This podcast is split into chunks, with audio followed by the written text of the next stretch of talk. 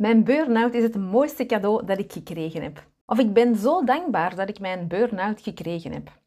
Dat zijn dingen die dat ik vroeger wel eens las en waar dat ik echt de kriebels van kreeg. En eigenlijk nu nog altijd een beetje. Want een burn-out is echt heel zwaar. En ook al heb je daar misschien dingen uit geleerd, en ook al heb ik daar ook dingen uit geleerd, toch had ik die dingen veel liever op een andere manier geleerd dan door mijn hoofd echt keihard tegen de muur te lopen. Dit is de aflevering waarin ik mijn verhaal vertel over mijn eigen burn-out.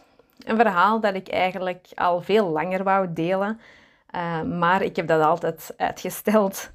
Ik had uh, bij de opstart van mijn podcast, dat was uh, denk iets meer dan een half jaar geleden, dacht ik dat dit een van de eerste afleveringen ging zijn. Uh, dat ik vertelde over mijn burn-out. Maar ja, ik heb het altijd uitgesteld.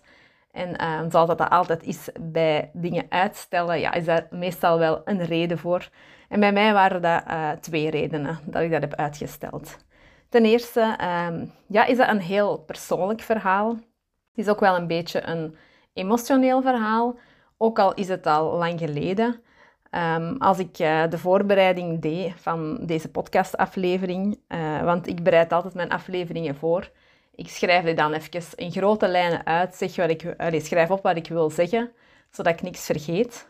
En uh, ja, toen ik dat aan het doen was, ja, vond ik dat eigenlijk best wel pittig en raakte mij dat ook echt wel. Dus ja, daarom heb ik het ook zo lang uitgesteld waarschijnlijk, omdat het toch nog wel steeds iets raakte. En ook omdat niet iedereen in mijn omgeving, wel mijn directe omgeving, mijn familie, mijn vrienden die dicht bij mij staan, die wel, die hebben dat wel uh, van dichtbij meegemaakt. Maar de andere mensen, ja, die, die weten dat eigenlijk zo niet, denk ik. Die uh, hebben dat niet allemaal zo meegemaakt. En het is ook nog steeds iets, ondanks dat er al veel minder taboe rond is, maar het is toch ook niet iets dat je direct van de daken gaat schreeuwen, dat je vertelt bij een eerste ontmoeting of zo. Het is toch wel iets persoonlijks. Hè? Dus met een uh, klein hartje deel ik vandaag mijn verhaal. Maar ik wil dat wel echt heel graag doen, uh, want ik wil eigenlijk anderen hoop geven, anderen inspireren. Dat is eigenlijk waarom dat ik het doe. Ik wil anderen ook moed geven, uh, want als je er echt middenin zit, dan is het echt heel zwaar en heel hard. De tweede reden, die dat, de tweede reden waarom dat het zo lang duurde voor ik deze podcast opnam over mijn eigen burn-out, is omdat ik ook niet helemaal zeker was of dat het uh, delen van mijn persoonlijk verhaal, of dat dat wel echt heel professioneel is als coach. Hè. Er kwamen zo dingen in mijn hoofd als, ja, gaan ze mij nog wel serieus nemen dan hè, als coach? Uh, gaan ze nog wel door mij geholpen willen worden? Het zijn uiteraard allemaal dingen die dan maar gedachten zijn. Hè. En als ik heel eerlijk ben tegenover mezelf, dan uh, weet ik ook dat dat niet de waarheid is. Hè.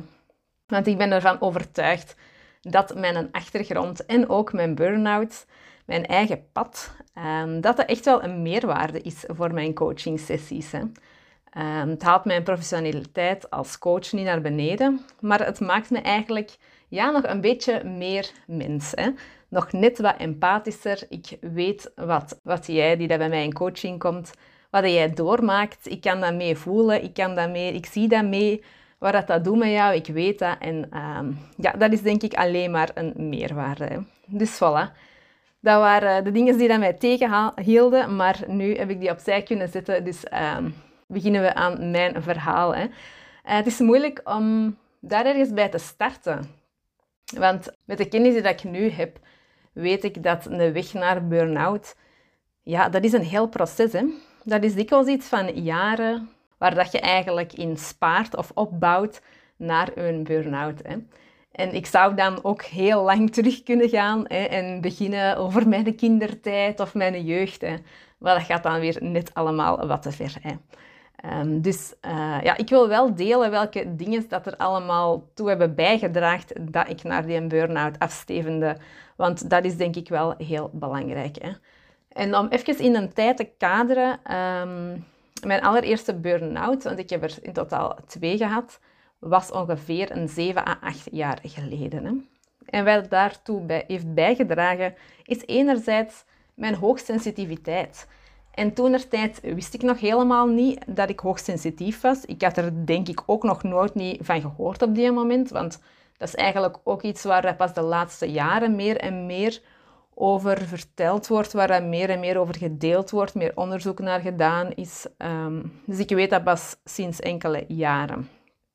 Het is eigenlijk bij de zoektocht voor mijn dochter uh, dat ik ben beginnen lezen over hoogsensitiviteit. En al snel is duidelijk geworden dat uh, zowel mijn dochter als ik, dat wij beide uh, hoogsensitief zijn. Hè. En op zich hoeft dat helemaal geen probleem te zijn. Um, het is de combinatie met de volgende twee dingen die ik ga noemen, die dat eigenlijk de kans uh, op stress en burn-out vergroten. Hè.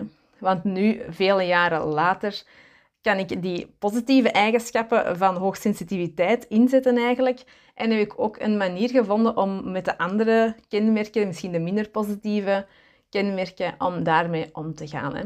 Uh, als je echt graag nog meer wilt horen over hoogsensitiviteit, uh, dan kan je eens luisteren naar aflevering 11. Dat is uh, eh, HSP en wat nu.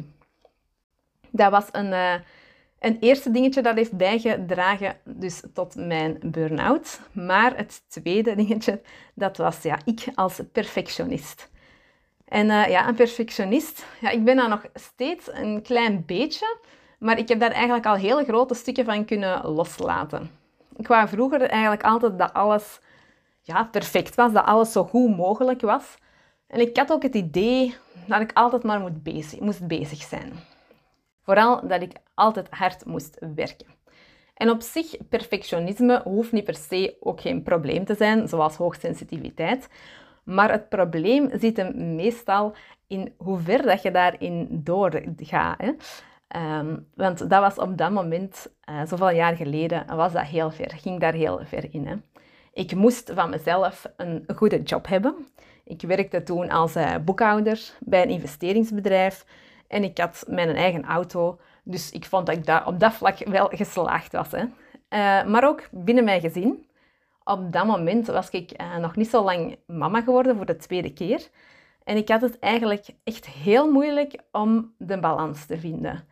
Um, die twee kindjes, het werkende leven, ja, dat was echt heel moeilijk voor mij. En ik heb het daar heel lang moeilijk over gehad. Ik kan daar nu goed over praten. Maar ik heb het ook moeilijk gehad uh, met het uitspreken dat ik het moeilijk had daarmee. Zelfs naar mijn eigen familie.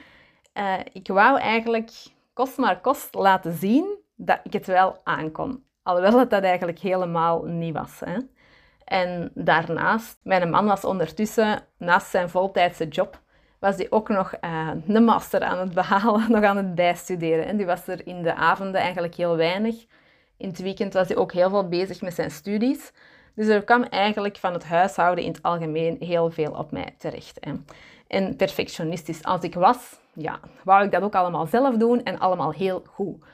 Uh, dus ja, dat heeft mij allemaal niet geholpen, uiteraard. Hè. Als ik er nu op terugkijk, dan denk ik, ha, had toch gepraat met iemand, had toch hulp gevraagd, maar toen op die moment wou ik zo graag laten zien dat ik dat allemaal wel kon. Hè. Omdat ik het gevoel had, ja, dat ik anders zou falen misschien of zo. Hè. Ik wou dat echt perfect doen. Dus uh, ja, dat heeft natuurlijk niet echt geholpen. Hè. Een derde ding dat heeft bijgedragen tot mijn burn-out, uh, naast mijn perfectionisme, was dat ik ook een echte pleaser was. ik wou alles zo goed mogelijk doen voor iedereen. Ik was altijd maar bezig met hoe de anderen zouden willen.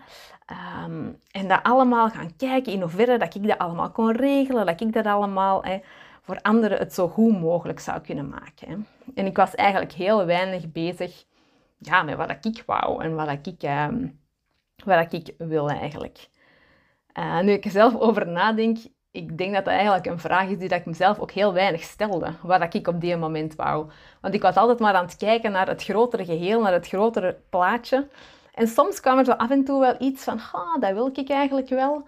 Uh, zo heb ik altijd wel het idee gehad vroeger, uh, nu niet meer ondertussen, dat ik een eigen koffiezaak wou of, um, of een eigen klein winkeltje. En op een gegeven moment ja, kwam er ook iets op mijn pad, een, uh, een winkeltje dat over te nemen stond. Zo echt een klein, leuk cadeauwinkeltje dat ik dacht, ha, ja, amai, dat is echt iets voor mij. Ik ben dan ook gaan informeren uh, om dat over te nemen, financieel bekeken en zo. Ehm, ik heb dat toen niet gedaan. Maar ik heb dat toen niet gedaan, vooral met de reden ehm, dat ik dan andere mensen in de problemen zou brengen. Omdat ik dan ja, naar mijn eigen ideeën er niet voldoende zou kunnen zijn voor de kinderen. Dat ik er niet voldoende zou kunnen zijn voor mijn man. En die staat aan het begin van, van een carrière en kan ik dat wel maken? Dus uiteindelijk uh, was mijn keuze daarop gebaseerd en heb ik dat daarom niet gedaan. Hè. Dat klinkt nu heel dramatisch als ik dat zo vertel. Uh, maar ik kan die dingen nu ook wel veel helderder zien. En ik weet dat ik op die moment dat ik niet echt de ruimte en de moed had om wel te kiezen voor hetgene wat ik wel wou. Want hoe gemakkelijk dat het soms lijkt, het vraagt ook wel moed om een keuze te maken en om te kiezen voor jezelf. Hè?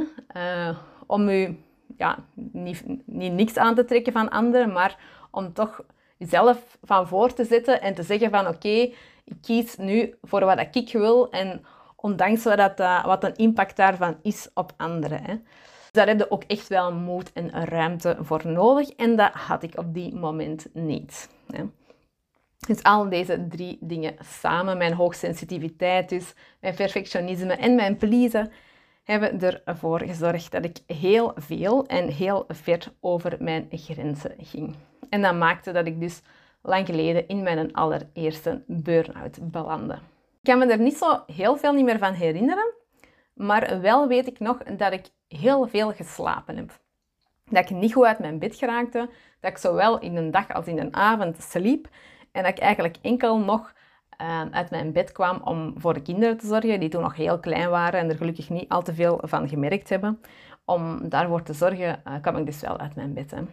En zoals dat ze wel eens zeggen, hè, dat het licht soms uitgaat, dat was wel een klein beetje uh, het geval bij mij. Niet dat ik ineens um, niet meer kon wandelen of zo, want dat hoorde soms ook of niet meer kon zien.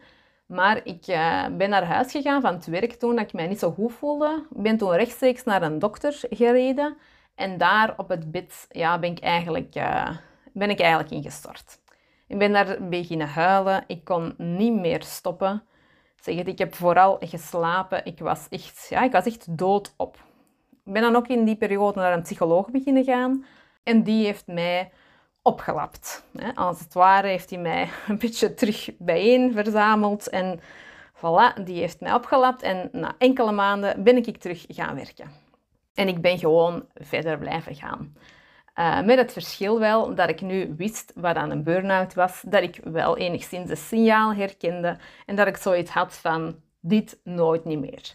Maar eigenlijk in essentie is er na die eerste burn-out niet echt veel veranderd. Ik ben gewoon de job blijven doen die dat ik deed. Ik ben blijven pleasen. Ik was nog altijd een hele grote perfectionist. Het enige verschil was misschien dat ik af en toe eens wat meer aan zelfzorg deed, wanneer dat ik voelde dat het wel weer wel echt te veel aan het worden was. En dan plande ik iets een dagje in voor mezelf en voilà, en dan kon ik er weer tegenaan. Dus ik bleef eigenlijk uh, wel een stuk over mijn grenzen gaan ook. Hè. Maar op zich, ja, kon ik wel verder gaan. Het ging allemaal nog wel. Dat zei ik altijd tegen mezelf. Tuurlijk, het gaat nog wel. Ik kan nog wel blijven doorgaan. Um, en toen kwam corona. Hè. Dus ik heb dat lang, lang ben ik zo ook blijven verder doen. Ben ik blijven verder doen gewoon. En dan kwam corona eraan. En aanvankelijk kon ik dan ook alles nog wel managen en leek dat allemaal ook nog wel heel goed te gaan. Hè. Uh, maar in het begin van de coronaperiode, dan, uh, ja, mijn toenmalige, collega was zwanger en uh, die moest gaan bevallen. Dus um, ik ging die haar werk overnemen. Dus ik ging meer uren doen, uh, wat op zich geen probleem was. Uh, maar toen gingen ook de scholen dicht en zat ik dus thuis met twee kinderen en extra uren werk. En mijn man die was op dat moment, ja, moest je nog altijd veel uit het huis werken. Die mocht ook uit het huis nog gaan werken. Dus eigenlijk in een dag kon ik daar niet veel op rekenen. Maar ik dacht, het lukt me allemaal nog wel. Maar ik voelde eigenlijk toch wel stilletjes aan dat ik een beetje aan het verder wegzakken was. En ja, ook het vele slechte nieuws doen, uh, elke dag die berichten, elke dag die cijfers, ja, dat maakte het er natuurlijk niet beter op. Op den duur kreeg ik ook echt paniekaanvallen. Dat was zo de ergste periode. En op een gegeven moment heb ik ook een paniekaanval gehad ehm, met mijn dochter in de auto. Gelukkig is dat allemaal goed afgelopen, maar dat was voor mezelf wel echt een breekpunt. Toen ben ik echt wel ja, een beetje ingezakt. Toen ben ik echt wel zo wat in een, in een gat gevallen eigenlijk. Ik ben dan naar een dokter geweest ook terug. Um, zoals jaren later na de eerste burn-out. Hij heeft mij uh, thuisgeschreven. En dan heeft het eigenlijk wel een hele periode geduurd voor ik daar, ja, voor ik terug wat daaruit kon kruipen eigenlijk. Hè. Uh, maar ik heb uh, hulp gehad van een hele goede psycholoog en coach. Uh, ik had ook echt een luisterend oor bij een huisarts. Ik denk niet dat er... Ook mijn man en mijn familie waren er echt voor mij. En dat was echt een steun. En zo ben ik er stap voor stapje terug uitgeraakt. Dat was echt ja, een hele moeilijke, een hele zware periode. Ik wil dat niet verbloemen, ook niet. Iedereen die al ooit een burn-out heeft gehad of dat van dichtbij heeft kunnen meemaken bij iemand dat hem kent, weet hoe zwaar dat, dat is. Uh, maar ik ben stap voor stap ook terug uh, naar buiten beginnen gaan, beginnen wandelen, dingen beginnen zoeken die dat ik graag deed. Ik sliep en ik rustte heel veel in het begin. Uh, want dat is wel iets, ja, echt een algemene eigenschap van burn-out is dat je ook echt wel heel moe bent. En ook echt wel heel belangrijk dat je, je bent echt letterlijk opgebrand, dat je ook wel eerst echt een tijd neemt om um, tot rust te komen. Hè, om die rust echt te nemen. In die periode heb ik ook echt veel aan mezelf gewerkt. Uh, ik dacht na over, uh, ja, over de dingen die ik anders zou doen, dingen die ik anders zou aanpakken. En hoe het kwam dat ik nu echt, uh, dat ik nu weer in een tweede burn-out was gekomen. Hè. En dan na enkele maanden ging ik terug gaan werken. In het begin met een klein hartje, maar wel met echt heel goede moed, want ik had hele fijne collega's en het was wel een hele fijne werkplek. Maar de inhoud van mijn job was eigenlijk al heel lang iets dat ik niet graag deed en uh, ja, ook eigenlijk niet meer wou doen. Maar het was eigenlijk altijd veel handiger geweest om het wel te blijven doen. Hè? Want uh, ja, ik had uiteindelijk al die jarenlange ervaring uh, en ik werkte nu ook in een scholengroep waarbij dat ik de vakantie had, vakanties had samen met mijn kindjes. Dus eigenlijk op papier had ik al de, allemaal redenen waren dat, om tevreden te zijn met mijn job. Hè. Uh, maar ja, ik was het dus niet. Hè. Uh, ik vond het eentonig, weinig variatie, ja, ook weinig inbreng in boekhoudingen. Uh, en dat maakte dat de dag um, dat ik terugkwam op mijn job, dat ik terug ging starten, dat het ook een dag was dat ik meteen besliste dat ik dat nooit meer ging doen. Ik had de laatste maanden toen al zoveel stappen gezet. Ik had al zoveel dingen gedaan thuis. Ik had hard gewerkt aan mijn pleasen, aan mijn perfectionisme. Maar dit was eigenlijk ja, de allerbelangrijkste stap die ik kon zetten, uh, die ik kon nemen om echt ja, voor mezelf te kiezen en voor mezelf goed te zorgen. Hè. En ik was echt super blij toen dat ik dat gedaan heb. Uh, ik was heel enthousiast ook uh, dat ik besloten had geen boekhouder niet meer te zijn. Ook al wist ik op dat moment nog helemaal niet wat ik dan wel wou gaan doen. Uh, ook dan trouwens naar coach ben geëvolueerd. Dat kan je horen in mijn eerste aflevering van boekhouder naar life coach. Die beslissing om te stoppen met boekhouden, om die job op te zeggen, dat was echt een heel belangrijke stap voor mij. En dat was ook een heel belangrijk signaal naar mezelf toe dat ik gaf uh, dat ik ook gewoon mezelf mocht zijn. Dat ik ook mocht kiezen voor wat ik wou. Uh, en sindsdien ja, ben ik alleen maar veel meer gegroeid nog. Voel ik me veel, veel meer mezelf. Uh, en kan ik nu echt wel zeggen dat ik echt helemaal genezen ben van mijn burn-out. Ik ben ook veel energieker, veel enthousiaster, vrolijker. Ik voel me beter in mijn vel. Wat dat niet wil zeggen dat ik ook geen tegenslagen meer heb of slechte momenten. Hè. Dat is helemaal niet. Uh, maar ik kan ook veel beter mijn grenzen aangeven en kiezen voor wat ik nodig heb. Hè. Ik voel me ook honderd keer beter dan de tussenperiode tussen mijn twee burn-outs. Want eigenlijk eh, ja, heb ik mij toen wel opgelapt. En toen, in mijn gedachten, was ik toen genezen van mijn eerste burn-out. Maar nu weet ik dat dat absoluut nog niet was. Voilà, dat was mijn verhaal. Ik hoop dat het u kan inspireren, dat het u hoop kan geven.